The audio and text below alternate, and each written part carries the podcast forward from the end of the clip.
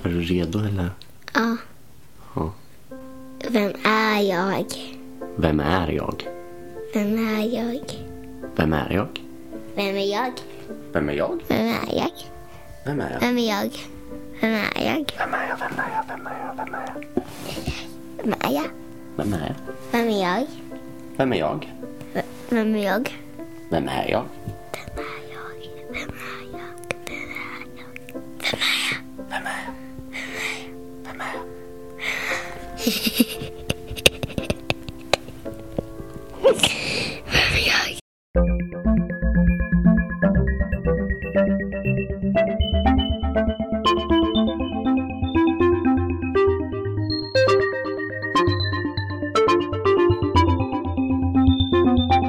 Hej och välkommen till podcasten Vem är jag?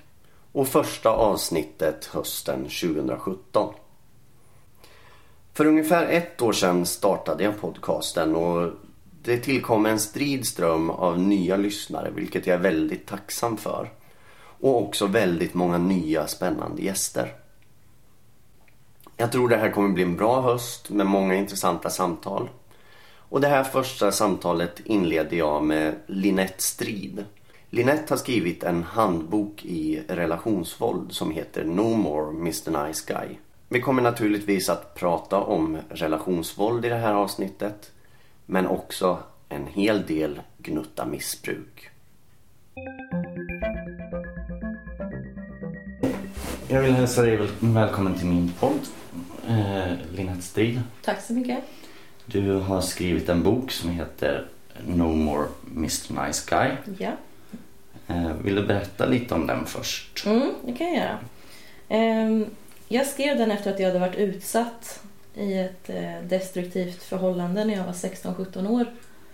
Ehm, och då blev det liksom så att jag började prata om det ganska så direkt efter. Jag kände att det här var någonting som jag ville jag ville verkligen lyfta och ta upp det här och så började folk ställa frågor och då märkte jag att jag hade väldigt mycket svar runt det här. Ehm, och då blev det så att jag började skriva lite grann om det. Och så kom jag fram till att det jag vill få fram är dels hur man förebygger relationsvåld, hur man hanterar det när man är mitt i det och även hur man efterarbetar det. Mm. Eh, när man har tagit sig ur det och haft den styrkan och liksom gått därifrån på något sätt. Så det var så egentligen som det började. Det har tagit jättemånga år att få färdigt. Den är inte särskilt lång men den är väldigt, ja vad ska man säga, den är ganska matnyttig. Mhm. Eh, jag tänker att det, det är svårt liksom. Det, delvis är det ett svårt ämne och som också kanske är, eller som är tabubelagt liksom fortfarande. Precis som missbruk är. Mm.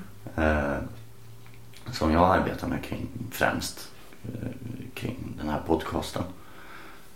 Men sen också tänker att för mig har det i alla fall varit så. Jag har ofta tänkt att jag vill göra något med mitt elände så att säga. Mm. För att hjälpa andra men jag har inte varit där själv i min egen process för att kunna göra det. Nej.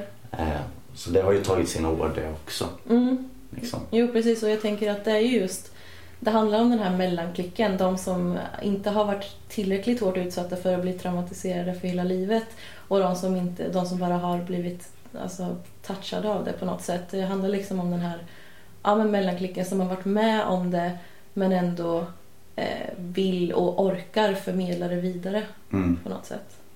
Hur, fick du, hur fick du hjälp med att ta dig ur det här förhållandet och efterarbeta och allt? Ja, det var egentligen så att jag hade ju nästan inga vänner kvar. Jag hade en vän eh, kvar då.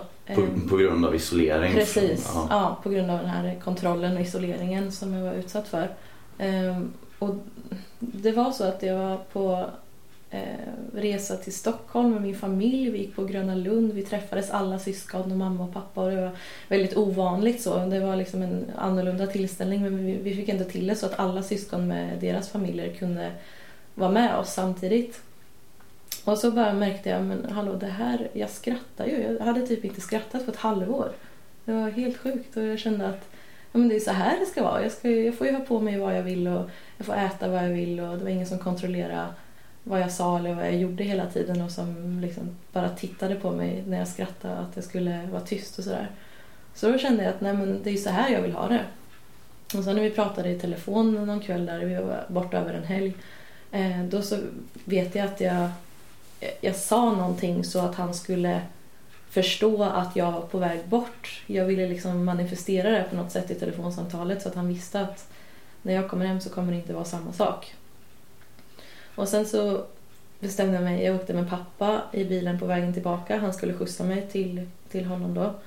Ehm, och så sa pappa sådär och frågade lite, men hur har ni det egentligen? Och så sa jag, nej men jag, jag ska nog göra slut faktiskt. Jag hade inte sagt någonting om att jag hade blivit slagen eller utsatt för misshandel men, eh, men jag, jag kände samtidigt att det här är någonting som jag måste göra själv. Jag vill inte, jag var lite för stolt för att ta hjälp av någon utan jag bara laddade massa energi i mig själv under bilresan och kom fram till att jag ska göra slut om två veckor, jag ska göra slut om en vecka.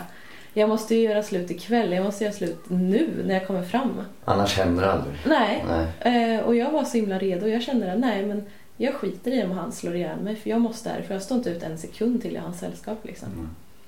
Hur, hur länge var ni tillsammans? Ett och ett halvt år ungefär.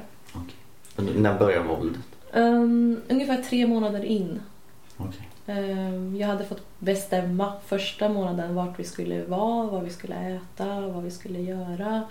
Eh, sen så sa han efter en månad att Nej, men nu är det ju min tur.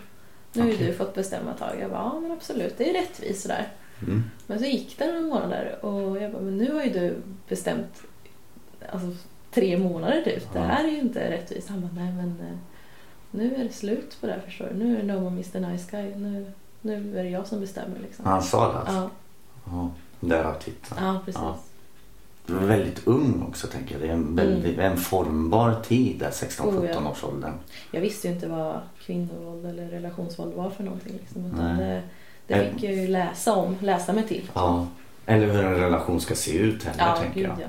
Så att, man, att du vaggades in kanske i någon slags normalitet. Eller alltså, Oh ja, det blev ju... Jag trodde det är så det här ska se ut. Ja. Ja, jag trodde att det var så det skulle vara. Mm. Eh, sen kände jag väl på mig att det var fel ganska direkt. Men samtidigt då hade jag kommit in i den, eh, in i den delen där att... För han var väldigt populär på skolan som vi gick på. Vi gick i samma skola då. Okej. Han gick ett år över mig.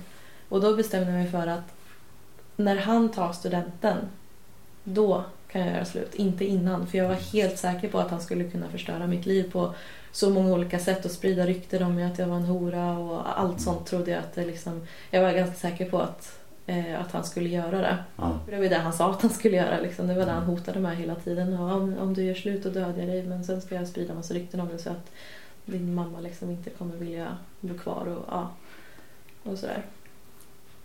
Han var en väldigt ung våldsverkare då Mm. jag. Han var ju... Det var det som var så. Eh, Jag var utsatt för, eh, utsatt för eh, sexuellt våld också. Och då så... eh, När jag anmälde det här, polisanmälde det här eh, två år efter att jag hade gjort slut. För det var ju då jag förstod, tack vare min dåvarande pojkvän, att det här är inte friskt. Det här är liksom någonting som han har gjort väldigt fel och det här är eh, olagligt liksom. Mm. Då så... Eh, eftersom att jag var 17 och han var 18 i slutet av förhållandet så blev det ju våldtäkt utfört mot, mot barn. Just det. Eh, så, så det blev ju graden värre. Sen så hjälpte väl inte det så mycket för att jag inte hade så mycket, eller jag hade inga bevis egentligen. Jag hade inte skrivit något, jag hade inga bilder eller så utan jag hade inte tänkt på att eh, ja, dokumentera det på det här sättet. Men samtidigt så gjorde, gjorde det väldigt mycket med mig. Bara att få ha en fantastisk polis som lyssnade på mig och som ville att vi skulle ta det här vidare. Liksom. Ja. Men blev, det, blev det något av det? Nej, det blev inte det. Nej. Utan hon hörde av sig, min polis där, och sa att eh, eh, han var här på eh, förhör eh, med sin mamma och de var väldigt skärrade, hela familjen. Eh, och bara det, hur hon la fram det mot mig. Jag vet inte ens om det stämmer eller inte, men jag har ingen anledning att misstro heller. Eh, men bara det att veta att det faktiskt tog väldigt, väldigt hårt på, på hela familjen gjorde ändå att det kändes bra i mig på något sätt. Du fick någon slags upprättelse Ja, då liksom. Och, och,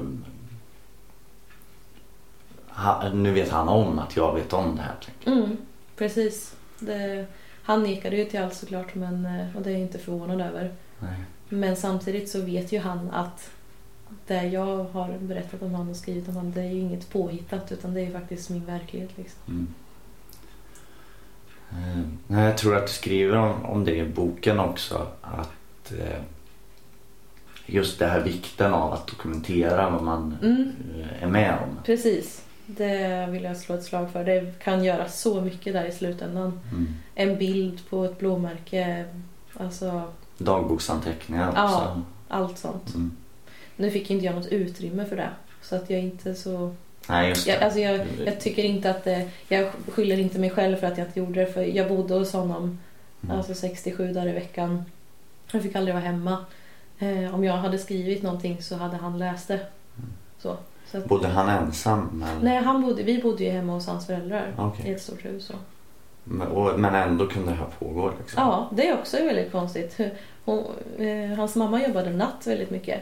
Eh, så på morgonen där vid sjutiden så brukar hon komma hem och jag satt ju ofta antingen så var det att jag hade spytt upp frukosten och satt och grät över det för att han inte ville att jag skulle äta. Eller så tvingade han i mig eh, mat för att jag skulle äta som jag inte tyckte om. Okej. Ehm, och då, eller så bara var det vanligt bråk eller vad man ska säga. Mm. Och, det, och hon kom ju hem till det här varje morgon när jag satt och grät vid köksbordet. Liksom.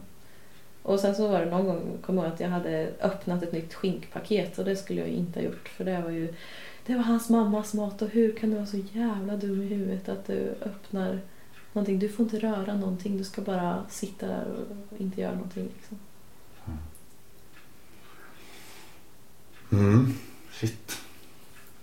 Uh, när vi träffades, inte första gången, uh, men första gången vi träffades ordentligt liksom och Mm. fick eh, lugn och ro och sitta ner och prata du och jag. Mm, Eh, så berättade jag om min historia också mm, med eh, våld i mina relationer. mm, olika former av våld. Då eh, när jag berättade efter en stund i samtalet så, så sa du en sak som, eh, som jag tyckte var lite intressant eller man ska säga. mhm. Du, du utbrast helt plötsligt eh, Åh herregud, du är ju värsta guldgruvan. Eh, Vill du utveckla det lite?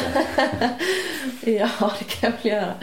Eh, nej, men för mig så har det alltid varit intressant. Nu under arbetet med No More Mr Nice Guy eh, så har jag ju alltid tänkt att, för då har jag fått väldigt många eh, starka historier från eh, kvinnor som har varit utsatta eh, för relationsvåld i olika grader av hemskhet. Alla är ju såklart hemska på sitt sätt liksom. Ehm, och, och då så har jag velat fånga hur kan man utsätta en person som man är tillsammans med, någon som man, som man ändå någonstans kanske tycker om eller älskar. Eh, hur kan man utsätta någon för, för sådana hemskheter och för misshandel av olika slag? Mm. Eh, och samtidigt så har jag haft lite... Jag tror det har varit en rädsla någonstans att gå in. För jag har ändå haft, om jag går till mig själv sådär, jag har haft ganska många dömande tankar kring det. Men i och med att jag har dels går behandling nu och jobbar med mig själv så har jag fått möjlighet att känna efter vad är det jag dömer egentligen och finns det något bakom och min sanning är inte din sanning och tvärtom. Och, eh, så att liksom när du har berättat om det du har varit med om och utfört och sådär så har jag fått väldigt... Ja men jag bara kände det, det var så alltså, klockrent guldgruva för det är verkligen någonting som jag är intresserad av att lägga mer tid på och förstå perspektivet från den andra håll, den som utför våldet. Mm. Fick du något bra svar? Kommer jag inte ihåg. Eh, för det där är svårt för mig. Just frågan varför och Mm. hur. Varför har jag slagit till exempel? Mm. Eller haft sönder grejer eller sagt eh, kränkande saker. Mm. begränsat. Eh, frågan varför och hur jag har kunnat göra så mot någon som jag faktiskt påstått mig älska. Då. Mm. Den- Det är en väldigt svår fråga att svara på känner jag. Mm. Jag, ja. För, för jag vet inte om jag vet det riktigt. Nej, och jag tänker att varför, det är ju bara min nyfikenhet som gör att jag ställer frågan varför. Mm. Samtidigt så behöver det inte vara så mycket varför, utan, utan det kan mer vara vad, vad gör det med dig när du har gjort det? Mm. Eh, konsekvenser för dig själv. Det är väl det som är ganska intressant också. Ja, verkligen. På, någonstans så... Jag försöker fundera här på hur... hur jag har känt... Då så har det ju känts som enda, enda vägen liksom. Mm. Eh, sen så har ju all den här skammen och ångesten kommit också. Mm. Eh, för mig, alltså jag kan ju bara prata utifrån mig själv. Så det här, kanske, det här behöver inte vara en generell regel. Så att säga. Mm. Eh, men självkänslan har gått i botten liksom. Som redan eh, är försvinnande liten liksom. Mm. Ehm. Men någonstans så har jag ändå vetat om att det jag har gjort är fel. Mm. Men sen har jag ändå skyllt över det och Mm. haft ursäkter för att ja, men, det var hon som började till exempel. Eller hon Mm. slog lika mycket. Mm. Hon var lika elak och så vidare. Mm. Jag tänker att det hör ju också ihop med den sjukdomen som vi båda har, beroendesjukdomen. Mm. Eh, man vet någonstans att det man gör inte är rätt och riktigt på något sätt. Men man gör det ändå. Ja, jo, verkligen. Och det är det du går i behandling för nu ska tilläggas. Mm. Så att för att det här med våldet har du bearbetat tidigare. Mm. Sen så kanske, jag vet inte men jag tänker själv att allt det här med våran beroendesjukdom men också eh, det våld som du har blivit utsatt för och det våld som jag har utsatt andra för. Mm. Eh, det, för mig så är det inget som, som jag blir färdig med egentligen. Nej, eh, precis. Och jag känner väl lite likadant. Jag fick en uppgift eh, förra veckan om övergrepp. Mm. Eh, och min behandlare kom fram och gav mig den lappen att eh, den här tror jag att passar dig just nu. Eh, och jag fick panik. Det var så här som att någon för första gången i hela mitt liv kom fram och sa Hej Linette, jag tror att du har varit utsatt för ett övergrepp. Okej. Och det kändes väldigt... Eh, det blev väldigt mastigt så. Och så Mm. jobbade jag på den typ en vecka. Och sen när jag skulle redovisa den i grupp eh, så var det en som sa att ja, jag ser massor PTSD-symptom liksom. Att Mm. du sitter och skakar och du är helt i... Du är inte här utan det är någon annanstans och det är väldigt tydligt att det, att det är någonting som är väldigt, väldigt jobbigt för dig. Mm. Fortfarande. Ja, fortfarande. Efter i princip tio år. Mm. Ehm, så där vittnar jag om att jag egentligen inte... Jag är ju jag är ju långt ifrån klar med att ha bearbetat det men samtidigt så den uppgiften var ändå en början till bearbetning känner jag just för den här perioden. Så jag, jag tror att jag kommer vilja ta tag i det ganska mycket kommande, alltså kommande veckor här nu och faktiskt passa på nu när jag är i behandling och få den, det stödet som jag behöver. Mm. Eh, och gå in i detalj och verkligen bearbeta det så att, så att det någonstans känns som att man är, som sagt, man kanske inte är klar men ändå komma lite närmare sanningen som det är idag. Mm. Har du supit mycket på eh, din historia liksom? Jag super på ensamhet Okej. eh, framför allt. Mm. Och det påverkar ju... Du super på ensamhet som bidrar till ensamhet. Ja, Ja. exakt. Det är ju sämsta vägen. Mm. Men som sagt, man gör det ändå. ja. Jag vet att det inte är rätt men, eh, men man gör det ändå. Nej men det har väl varit ganska mycket eh, just de här känslorna av att man inte duger. Det är ingen som vill vara med mig. Eh, här sitter jag själv i min lägenhet och, och bara är själv. Och samtidigt så är ju det det enda man vill vara. Eller Ja. man, jag. Mm. Det är där jag har velat vara. Jag har velat vara ensam med flaskan. Det är liksom då jag har trott att jag har trivts bäst. Ja. Det var sam, samma här, framförallt på slutet. Jag, I början så var jag väldigt aktiv och ute och tyckte att jag nätverkade och jag var bekant med alla. Liksom. Jag hade, Mm. Har ju väldigt få riktiga vänner Mm, och har alltid haft väldigt få riktiga vänner. mm, Eh, sen har jag varit ytligt bekant med alla och envar. Liksom. mm, Eh, Men sen på slutet nu så eh, som jag sa när idag nu innan att då satt jag med mina flaskor, mm, eh, mitt knark ensam liksom. That's it. mm. Och det, det trivdes jag bra med då. Mm. Det var det jag ville.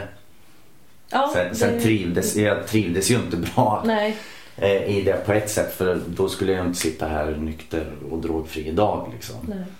Eh, Men samtidigt så är det ju det som är så läskigt med beroendesjukdomen att eh,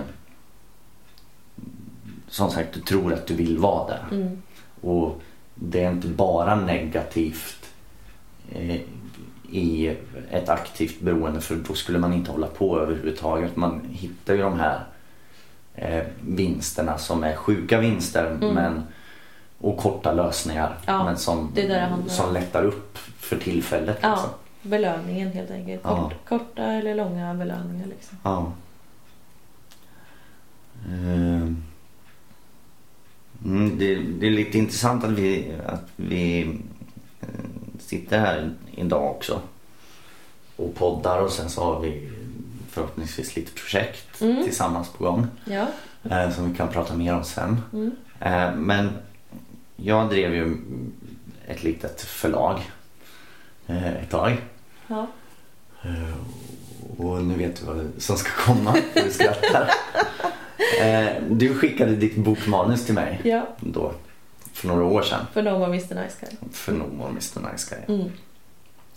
Eh, och jag ville, eh, jag ville ge ut den. Ja. Eh, men du sa nej. ja. Och eh, anledningen till det var vad då? Jag visste att jag skulle göra så här. Ehm, jo, det var så att jag skickade in, fick svar, det kändes, eh, det kändes bra och jag var så här, mm, ja, jag är nyfiken på det här, det här kan nog bli bra. Så gick jag in och kollade på hemsidan, Förlagets hemsida. förlagets hemsida. Ehm, och då så såg jag en särskrivning Ja. och då kände Och tacka jag... nej. Tacka nej. Det, där är så kul för det, det är bland mycket annat som vi har gemensamt för vi har upptäckt att vi är väldigt lika. Mm, Eh, jag hatar ju också särskrivningar och Mm. förbannar mig själv över att den där fanns där. eh, samtidigt som jag är ganska glad och tacksam för det ändå i och med att det, det gick som det gick och jag Mm. försatte mig själv i, i konkurs. mm, 2015 så det hade inte blivit bra. Jag tror att din bok mår mycket bättre av att den inte Mm. hamnade på mitt förlag. mm. Eh, så, så eh, allt ont för väl något gott med Ja, sig helt jo enkelt. är det. Men det var väldigt häftigt när eh, jag skäms ganska mycket över att säga det till dig. Jag vet inte varför, men jag gör det. Okej. Eh, Ja. Men då när jag sa det jag- till dig så fick jag en väldigt rolig reaktion. Ja, Och då sa du så här att ja, ja men det, jag förstår dig. ja, och att jag respekterar det för Ja. beslutet. Precis.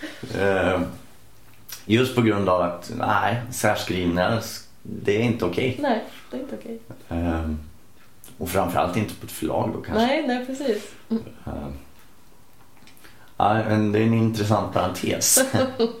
Ja. Eh, något annat som vi har gemensamt eh, eh, förutom beroendesjukdomen vi har ju en hel drös av sjukdomar höll jag på att säga. det gör vi. Eh, men något mer som vi har gemensamt är ju bipolariteten. Mm. Eh, som jag tycker har upptäckt att vi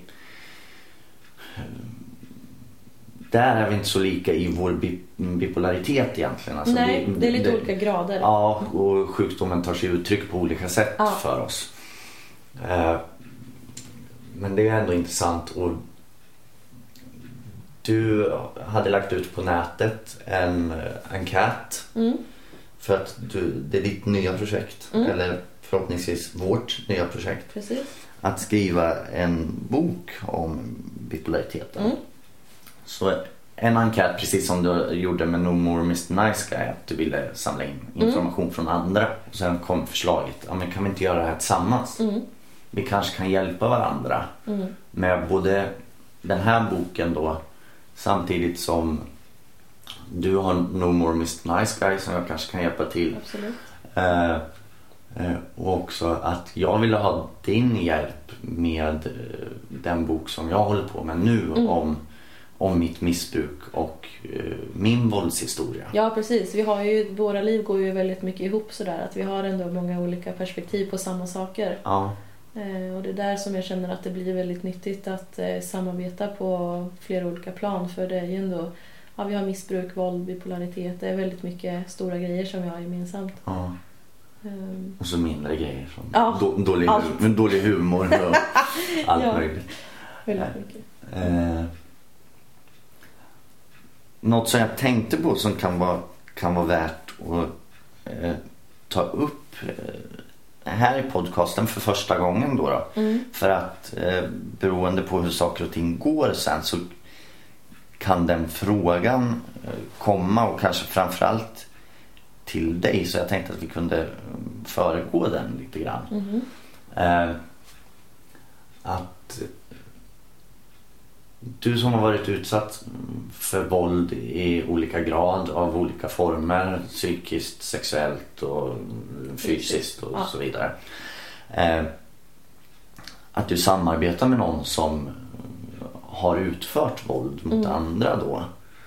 Jo visst, eh, det är klart att det är kanske lite kontroversiellt på något sätt. Men just att samtidigt så det är det jag har varit intresserad av hela tiden men inte fått möjlighet till.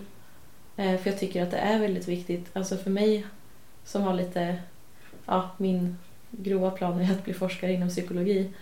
Mm. eh, Så är det väldigt intressant med alla perspektiv. Det är ju ändå det som är Eh, det är det jag känner är lite mitt kall så. Att, att, bara, att ständigt vara nyfiken. Eh, och då spelar det egentligen inte så stor roll vad andra tycker i det. Mm. Utan jag vill lyfta fram det. Och jag tycker att det, det skulle bli som en reviderad upplaga på något sätt. Eh, att faktiskt lyfta fram, ha till exempel ett kapitel om eh, till exempel våra erfarenheter av hur det är för den som har utfört det. Liksom. Mm.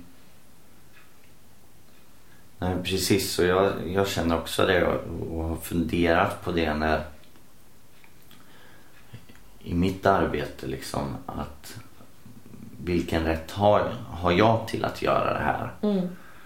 Eh, och det motiverar jag med att, att jag tycker att det är väldigt viktigt Mm. att, att lyfta fram också de, de våldsverkare och hur de fungerar. Mm.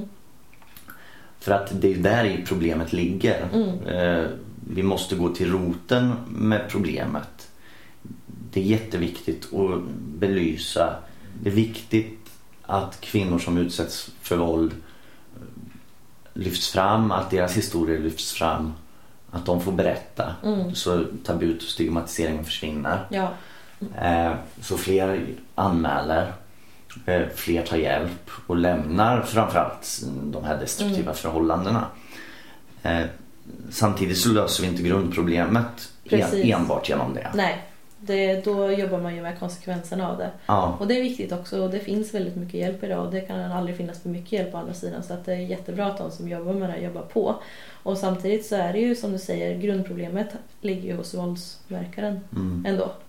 hos männen helt enkelt. Inte bara männen. Eh, Nej, det är men många, ja, eller det, det grövre och mer repetitiva våldet utförs av män mot kvinnor. Mm. Men samtidigt så är det lika, lite olika eh, studier som visar olika såklart. Men det som är det senaste är just att det är lika många som är utsatta både kvinnor och män. Mm. Eh, och att det är även många kvinnor som utför våldet. Men eh, Men det är vanligare, som du säger, med, med männen då. Mm. Eh, ja, det, är svårt att göra sådana där mätningar också med tanke på mörkertal. och sånt, Precis, det är ju typ 80% mörkertal är det Ja. uppskattningsvis. Så att det är ju. Eh, väldigt svårt. nej, precis. Och det finns, det finns bra hjälp att få för, eh, jag väljer då att säga män, Mm. i och med att jag är man. Mm. eh, hjälp att få för att komma till bukt med, i mitt fall, aggressionsproblem Mm. eh, som leder till eh, utförande av våld. Mm. Eh, jag fick hjälp av en kommunal inrättning i, Norrköping liksom, att gå i gruppterapi. Vilket hjälpte mig. Jag gick 14 månader och, under en period Mm. och det hjälpte mig jättemycket. Mm. Eh, jag blev av med min svartsjuka till exempel. Mm. Sen dess så har jag känt väldigt lite svartsjuka i relationer. Mm. Eh, och mina aggressioner blev bättre. Jag kunde hantera impulserna Mm. på, på ett annat sätt och sådär. Men sen när jag slutade att arbeta med det här då kom det tillbaka igen. Mm. Och framförallt med ett eh, eskalerande alkohol och narkotikamissbruk. Mm. Liksom. Eh, det visar också på att det är jätteviktigt för mig att fortsätta att arbeta med det här. Mm. Och inte luta mig tillbaka och känna att nej, men nu är jag trygg i det här. Precis. Liksom jag inte ska känna mig trygg i att jag är frisk på något sätt från min beroendesjukdom. Nej. Jag tänker lite på det här med, vad tror du, vad, vad, vad var det som drev dig mest till att utföra våldet? Det är Just du pratar om svartsjuka. Jag tänker kontroll, Mm, eh, makt och... Svartsjuka var en stor del. Mm, Eh, I början där, innan jag fick hjälpen då. För efter att jag gick den gruppterapin och den behandlingen så har jag utfört våldshandlingar även efter det. Liksom. mm, det, jag hade en period och ett uppehåll i några år. Liksom. Mm. Men sen som sagt när jag slutade arbeta med det så, så kom det tillbaka. mm, Och då var det inte speciellt mycket svartsjuka. Det fanns säkert en viss del av det. Men ofta när argumentationen tog slut liksom. mm, Jag, och jag, jag som tycker att jag kan vara väldigt verbal och argumentera för mig liksom. mm, Eh, så det känns så dumt för att det tog slut. Jag är, I de avseendena så var jag inte så bra på det. Nej. Kommunicera i, i en relation liksom. Och då, då tog jag hellre till nävarna antingen mot min partner eller eh, hade sönder grejer. Liksom. Mm. Eller sa okvädningsord Mm. också. Ehm, och den handlar ju mycket om kontroll och maktbehov. mm, Saker och ting ska vara på mitt sätt. mm, Eh, jag ska bestämma. Eh, du har inte rätt att göra fel. Eh, ja, mm. På något sätt någon kränkning. och kränkningen känns... Ja. Eller hur menar du? Ja men jag tänker liksom en kränkning mot egot på något sätt. Ja, mot mitt ego. Ja, att jag känner mig kränkt. Ja. Ja, så jävla lättkränkt alltså. Mm. ja, och den, den smockan som mitt ego kände att den fick, den var inte okej då, Nej. ansåg jag. Och det var där du agerade på då? Ja, Mm. precis. Eh, och då som första, första steg där, vad man ska säga, efter att jag hade gjort något då. Mm. Då uppfylldes jag ju av någon slags, alltså uppfylldes av den här makten och kontrollen som jag fick. Och då, där kändes det ju bra. Liksom. Här, här har jag kontrollen, Mm. kände jag. Fast det är ju där jag absolut inte Nej. hade någon kontroll. Men illusionen av den? Ja, precis. Eh, och därpå kom ångesten liksom. Mm. Jag, jag har ju fått mycket panikångestattacker och, eh, och sådär. Skam och skuld och ånger liksom. Mm. Eh, där också då min, min partner har fått eh, ta hand om mig i spillror. Mm. Jag har gjort eh, det här. Mm. Sen bryter jag ihop för att jag någonstans vet att jag har gjort fel. Ja, Och då får hon städa upp efter Mm. mig också. precis. Eh, Vilket också påför en del skam och skuld kan jag tänka mig. Ja, omedvetet kanske. Mm. Framförallt nu när jag har blivit eh, blivit frisk höll jag på att säga nu. Jag är inte frisk. Eh, när jag är tillfrisknande liksom. Mm. Jag är ju tillfrisknande både från beroendesjukdomen och från eh, mina aggressiva sidor. Liksom. Eh, så. Ja, men det, det har jag också fått möjlighet att bearbeta. Mm.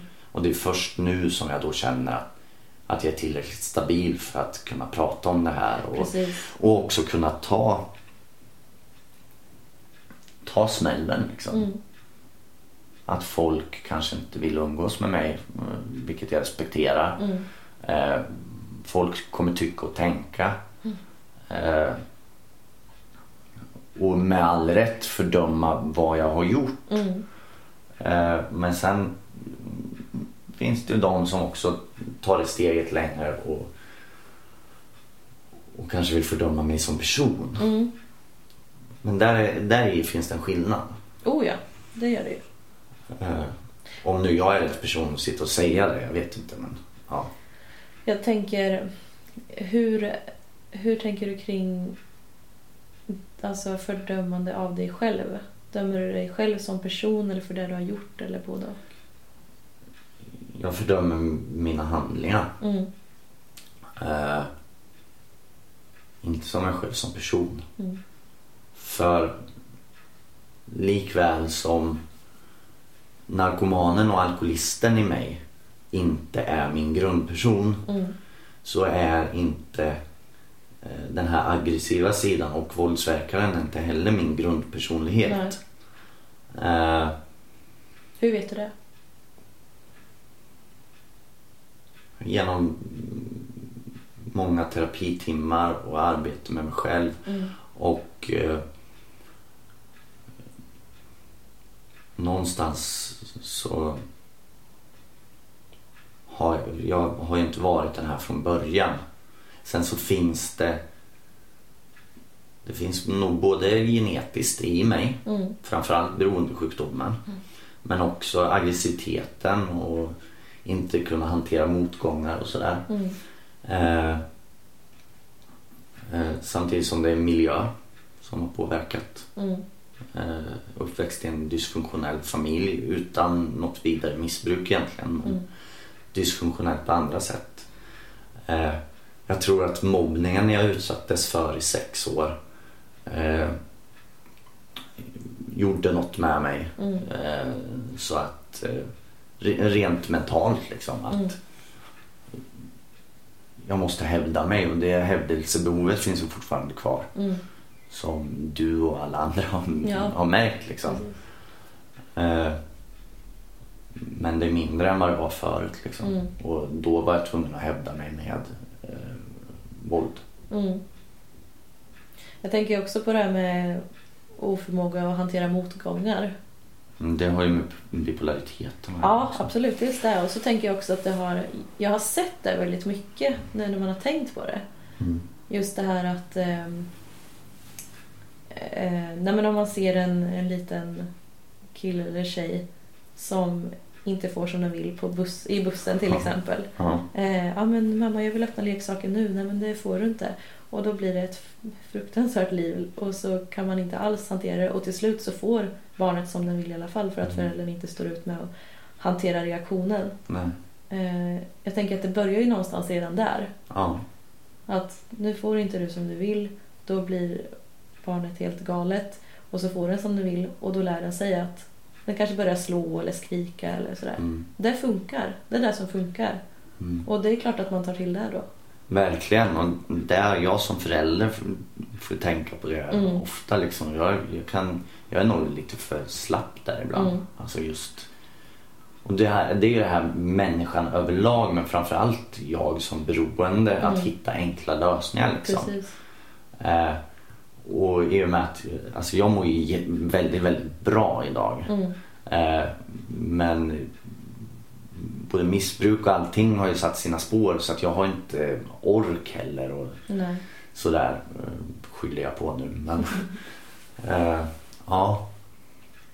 Så det är väldigt lätt lösning att låta min dotter få som hon vill. Då. Ja, det är ju lite den enkla vägen vi alltid har valt som beroendesjuka. Mm. Att, eh, det är den enkla vägen vi, vi går på. Sen vet jag inte varför, men som sagt, det har ju både förklaring genetik och miljö.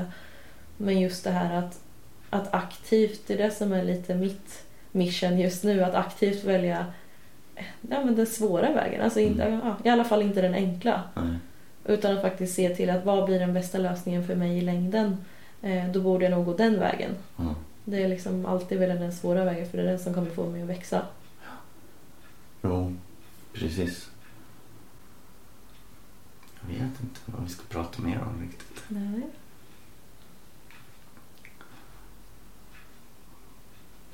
Vi kan prata om eh, bokmässan. Ska vi prata om bokmässan? Jag vet inte när det här kommer ut. Men, Nej, det är sant. så, Nej, men vi, vi kan nämna det att vi ska till Göteborg på, på Göteborgs bokmässa. Mm. Och eh, förhoppningsvis så ska vi hänga lite på Östergötlands bokmässa i Linköping Ja, också. precis. Det ska vi göra. Eh, sådär. Så då får man gärna, om man ser oss, så får man gärna komma och prata. Ja, mer än gärna. Eh, och man får hemskt gärna höra av sig ändå liksom via mail till någon av oss eller sådär. Om man har frågor och funderingar eller vill eh, ge sitt bidrag till eh, den här boken om bipolariteten. Mm, precis. Det... Och den har ingen titel på. Nej, den jobbar vi på. Ja, den är ju väldigt i tidigt stadium. Tidigt stadie. Eh, skelettet i princip. Ja. Jag hoppas bli klar snart. Jag har faktadelen och, och skriva på min bok. Mm, och den ska vi hjälpas åt med så att det blir... Ja, den heter Det jag mest föraktade. Ja. Det finns en tvetydighet i det Mm. som ni får klura på, lyssnarna. eh, mm. Jag vet inte. Bra samtal. Ja. Det är. Vi har fått med mycket. Ja, viktigt. Mm. Skönt att kunna prata om det här från, från båda håll tycker Mm. jag.